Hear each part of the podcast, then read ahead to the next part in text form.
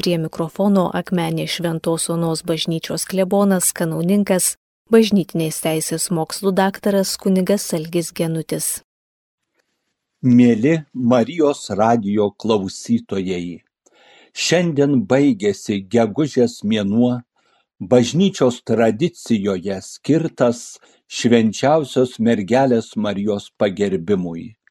Visą mėnesį savo dangiškąją motiną garbinome įvairiais titulais, gėdodami švenčiausios mergelės Marijos litaniją. Šiandien, užversdami paskutinį pavasario mėnesio kalendorinį puslapį, sekime Mariją, lankančią savo giminaitę Elsbietą. Nemanykime, kad Marijos apsilankimas Elsbietos namuose buvo mažareikšmis įvykis, vien tik paprastas dviejų giminaičių susitikimas ir banalus moterų pokalbis. Tai buvo tikslinga ir svarbi kelionė. Į Judėjos kalnino miestą Marija keliavo šventosios dvasios įkvėpta. Dvi garbingos motinos norėjo pasidalyti didžią laimę. Jos abi laukėsi kūdikių, kurie išganimo istorijoje Dievo valia yra išskirtiniai. Sutikusi būti išganytojo motina, veikiant šventajai dvasiai, Marija tapo neščia. Jos giminaitė Elsbieta pastojo anksčiau už Mariją. Po daugelio išbandymų metų, jau nebe jauna, Elsbieta laukėsi kūdikio, būsimo Jono Krikštitojo, kuris paruoš mesijui kelią, kviesdamas tautą į atgailą.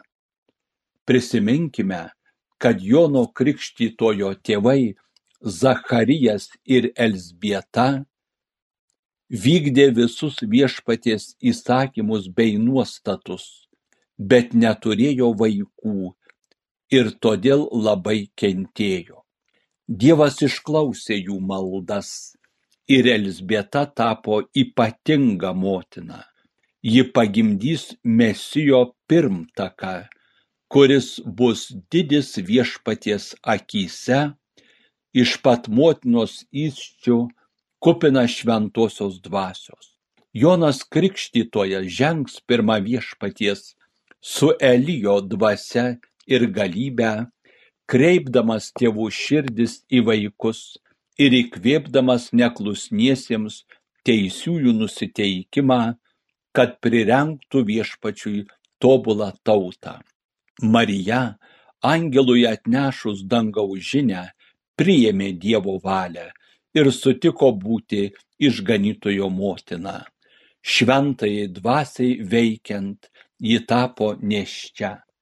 Tai didžiulis stebuklas ir palaimos valanda ne tik švenčiausiai mergeliai Marijai, bet ir visai žmonijai. Dabar Marija šią žinę atneša ir ja dalijasi su savo giminaite. Į pasaulį pasibels ilgai lauktasis mesijas. Įėjusi į namus, Marija sveikinasi su Elsbieta. Vos tik Elsbieta išgirdo Marijos sveikinimą, jos įsčiose šoktelėjo kūdikis, o pati Elsbieta pasidarė kupina šventosios dvasios. Dievo dvasios įkvėpta ir nuostabos pagauta, Elsbieta sušunka, kad jos giminaitė Marija yra labiausiai palaiminta iš visų moterų ir palaimintas jos iščių vaisius. Anot Elsbietos, iš kur man ta garbė, kad mano viešpaties motina aplanko mane. Maža to, nujausdamas mesijo artumą, iš džiaugsmo šoktelėjo kūdikis Elsbietos iščiose. Šią valandą Marija ir Elsbieta jaučiasi neapsakomai laimingos. Jos numano, kad Dievas jų motinystę pasinaudodamas įgyvendina išganingus planus. Marija, kaip Dievo apdovanotąją malonėmis, sveikino dangaus pasiuntinys archangelas Gabrielius. Dabar ją pelnytai aukština giminaitė Elsbieta. Jono Krikštitojo motina ją laiko labiausiai palaiminta iš visų moterų. Sunku įsivaizduoti, kaip Dievas išaukštino Mariją. Dangiškasis tėvas savo gyvenimo gelmėje gimdanti sūnų lygų savo, jį atidavė Marijos globai. Tačiau pati Marija tuo nesipuikuoja ji nori pasilikti nuolankia viešpaties tarnaite. Marija giria ir aukština joje veikianti Dievą, padariusi didžių stebuklingų darbų. Iš Marijos lūpų ir širdies liejasi garbinimo ir padėko žodžiai visagaliam Dievui. Ji gėda viešpačiui darančiam didžius dalykus. Pasigilinkime į šių žodžių prasme. Marija te prabyla ir į mūsų širdis. Mano siela šlovina viešpati, mano dvasia džiaugiasi Dievu savo gelbėtoju. Kiekvienas mūsų esame sukurti viešpaties garbei, kiekvieno kūrinio buvimo tikslas Dievo garbė. Todėl Dievo garbinimas yra mūsų pašaukimas ir pareiga. Dievas žmogų sukūrė savo garbiai ne todėl, kad šis jį garbintų apeigomis ir aukomis, bet kad savo buvimu jo garbe būtų. Pasaulio išganytojo motina supranta, esanti Dievo apdovanota ypatingomis dovanomis ir dėl tos priežasties džiaugiasi Dievu savo gelbėtoju. Nesvarbu, kad pasaulis jos nepažįsta, svarbu, kad Dievas ją pažįsta ir myli. Savo žvilgsnį Dievas nukreipė ne į šio pasaulio didžiūnus ar monarchus, bet į nuolankę tarnaitę, kuriai norėjo patikėti savo sūnų. Paliesta šventosios dvasios, pripildyta jos malonių, Marija visa savo esybę, kūnu ir siela, nori gėdoti nuostabę giesmę. Mano siela šlovina viešpati, mano dvasia džiaugiasi Dievu savo gelbėtoju. Marija yra tarsi solistė, pradedanti giedoti giesmę, kurią toliau gėdos choras. Ar šią giesmę Marija gėdojo vien tik savo vardu, ar ji priklauso visai bažnyčiai? Ieškodami atsakymo, atsiminkime, kad Marija yra tobuliausias bažnyčios narys ir jos paveikslas. Ji pirmutinė ir pagrindinė bažnyčios narė. Marijoje tobuliausiai įsikūnija ir atsispindi bažnyčia.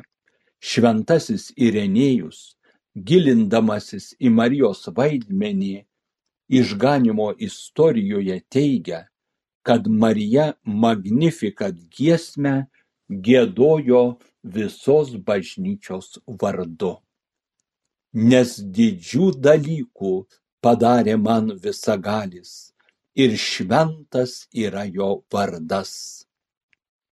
Dievas Marijai padarė didžių dalykų. Tai suprasdama, Marija su džiaugsmu ir dėkingumu viešpačiui apie tai nori pasakoti giminaitei Elsbietai iš visos kūrinijos viešpats išsirinko būtent ją o ne kitą moterį šventasis bernardas moko kad marija yra pirmoji dievo mintyje dar nebuvo sukurtas pasaulis, o Dievas jau savo mintyje turėjo Mariją. Kurdamas pasaulį, Dievas mąstė apie jo atnaujinimą, atpirkimą per savo sūnų švenčiausios trejybės antrąjį asmenį. Marija yra pirmoji Dievo teikiamo išganimo plane.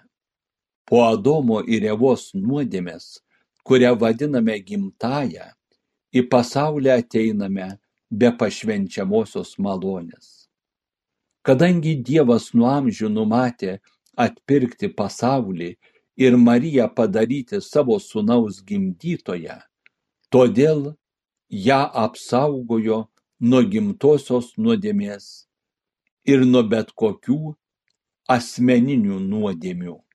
Šventoji dvasia nužengs ant Marijos, todėl jos kūdikis bus šventas ir vadinamas aukščiausiojo sunumi.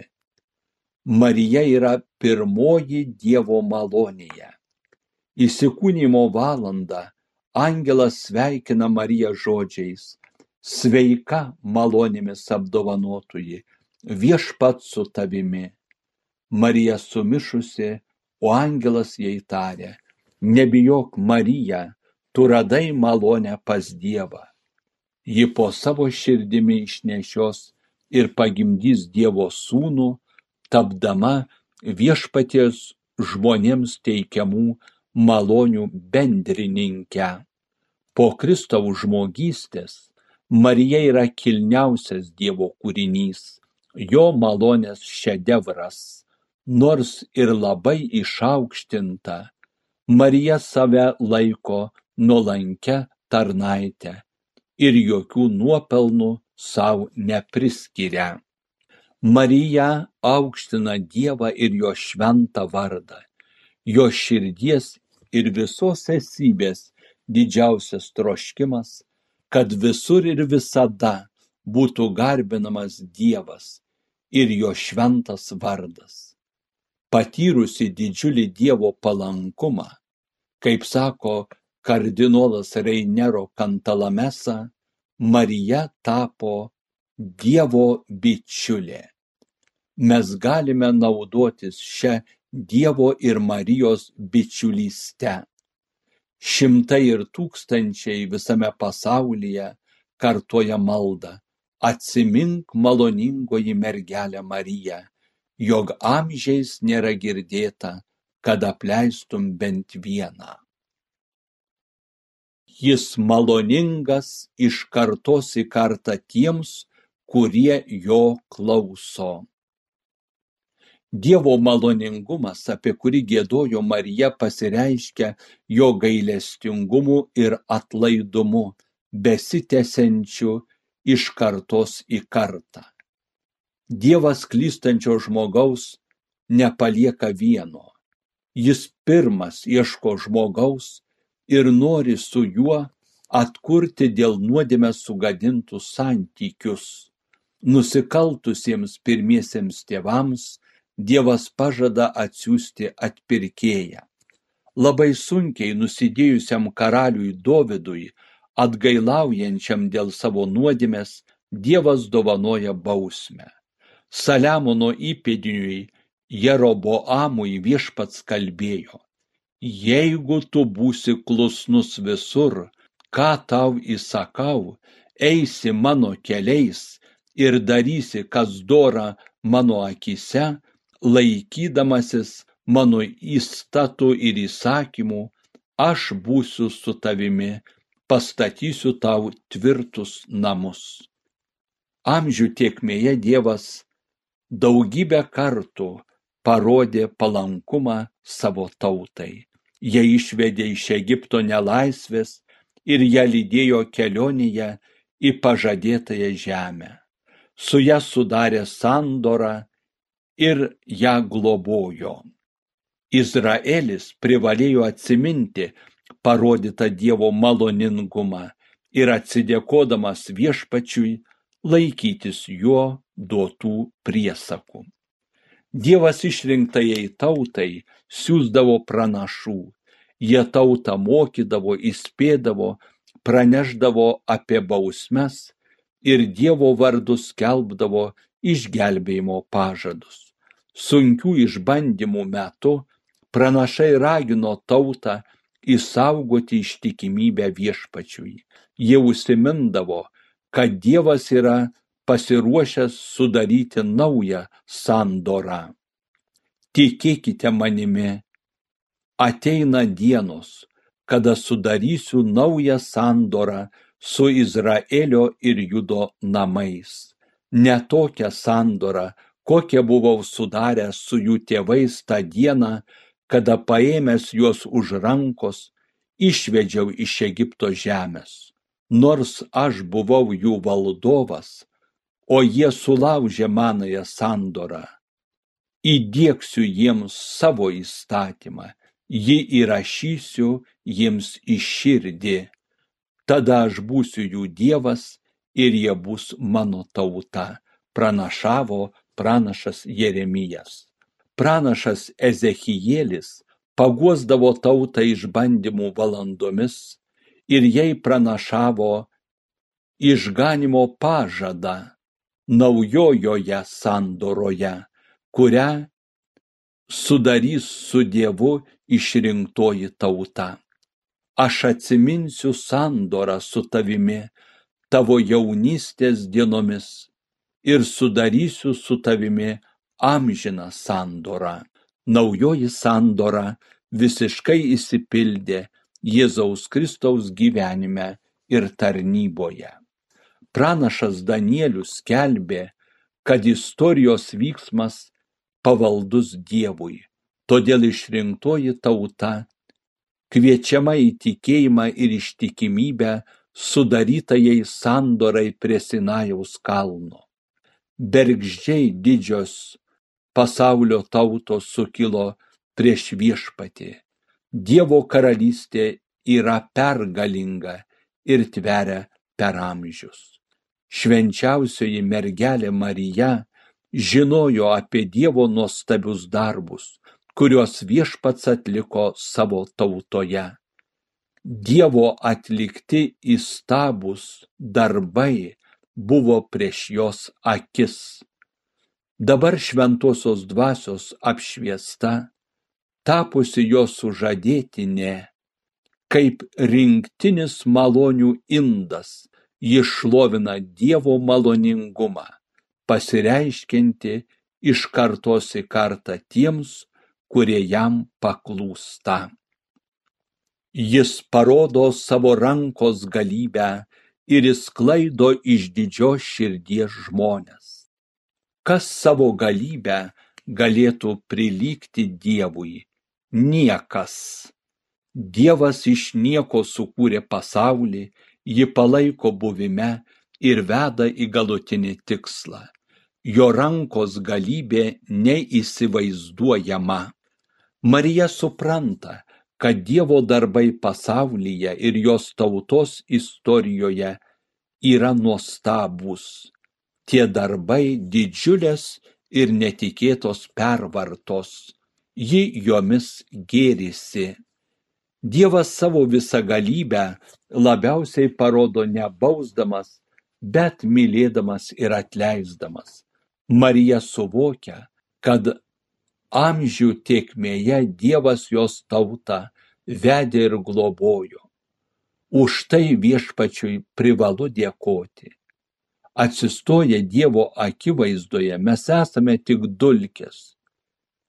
Negalime savimi didžiuotis, antraip mus apvaldytų puikybė.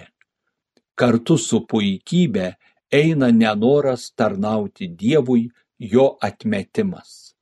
Žmonės pasiekę laimėjimų įvairiose srityse pradeda puikuotis, manydami, kad jie viską gali, tarsi jau būtų dievai. Tada įvairūs pasiekimai naikinančia gale atsisuka prieš juos pačius. Neprilykstančią vertę turi tie darbai, kuriuos atliekame su nuolankumu ir dėkingumu Dievui. Kiekvienas, kas save aukština, bus pažemintas, o kas save žemina, bus išaukštintas, sako išganytojas. Jis numeta galiūnus nuo sostų ir išaukština nuolankiuosius.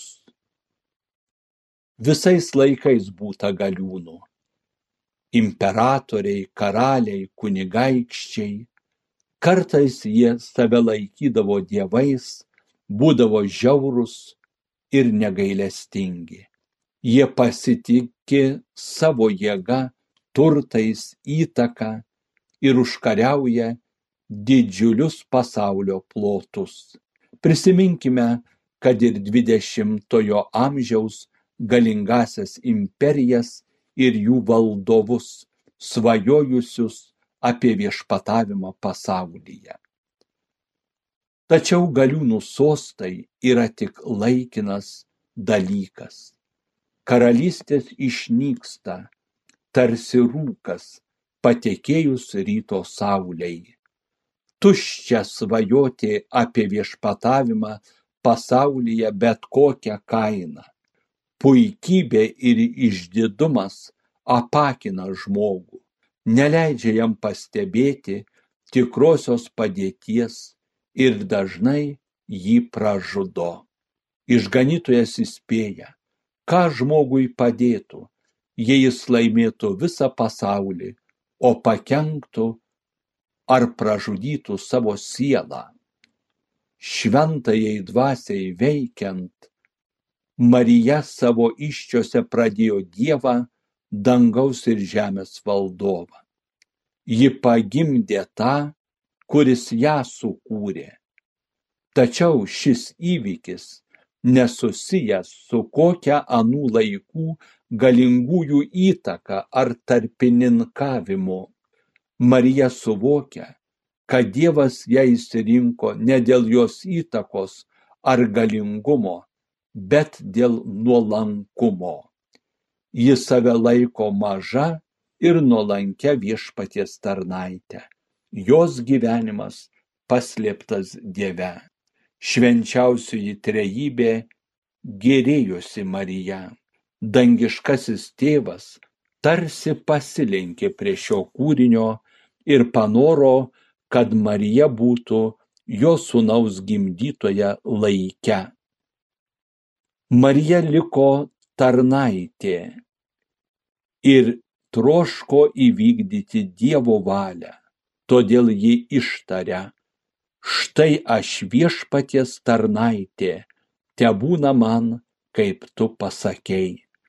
Tiesos apie Dievą ir save pripažinimas Mariją skatina džiugauti. Alkstančius gerybėmis apdovanoja turtuolius tuščiomis paleidžia. Apie kokias gerybės Marija kalba šioje giesmėje? Apie žemiškus materialinius ar dvasinius turtus. Gal pasaulyje įsiplėskė socialinė revoliucija ir dėl šios priežasties turtingieji nuskurdo, o vargšai praturtėjo? galbūt įvyko teisingesnis gėrybių paskirstymas tarp įvairių socialinių sluoksnių žmonių Marijos laikais ar vėlesniais amžiais. Pinigų nuvertėjimo taip pat neįvyko, kaip dažnai pasitaiko šiais laikais. Tokie nuvertėjimai sukelia ekonominės finansinės krizes. Jų padariniai prislėgė net turtinguosius ir kartais juos nuskurdina. Pervartos įvyko ne išoriniame socialinėme gyvenime. Dievo karalystės ateimas yra tikroji revoliucija. Ji pranoksta socialinę revoliuciją. Dievo karalystės revoliucija yra tyli bet radikali, nešanti tikrąją palaimą. Neveltui išganytojas moko palaiminti beturčiai dvasioje, nes jų yra dangaus karalystė. Pervarta, apie kurią gėda Marija, matuotina ne žmogišku, bet Dievo matu. Marija kalba ne apie laikinus, bet amžinuosius turtus ir amžinai skurdą, kurį patiria žmogus nutolęs ar nusigręžęs nuo Dievo. Laikini žemiškieji turtai žmogui laimės, ypač amžinosios, neatneš. Jei norime būti amžinai laimingi, turime nuolankiai siekti nenykstančių amžinųjų dvasinių turtų, skelbia mergelė Marija. Jis ištiesė pagalbos ranką savo tarnui Izraeliui, kad minėtų jo gailestingumą. Galiausiai Marija pereina prie savo tautos dvasinių reikalų apmąstymo pasaulyje yra daug tautų ir tautelių, kuriomis Dievas galėjo pasinaudoti savo planų įgyvendinimui. Tačiau Dievas nusprendžia, kad turi atsirasti dar viena tauta. Jis pašaukia Abraomą kurti naują tautą ir jam pažada savo palaiminimą. Patriarchai Izaokas ir Jokūbas tęsia tautos formavimo darbą.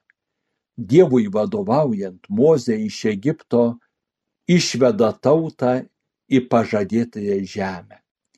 Įvedęs į pažado žemę savo tautą, Dievas jai skiria teisėjus, o vėliau duoda didingus karalius - Saulių, Dovydą, Saliamoną, kurie išgarsina išrinktąją tautą.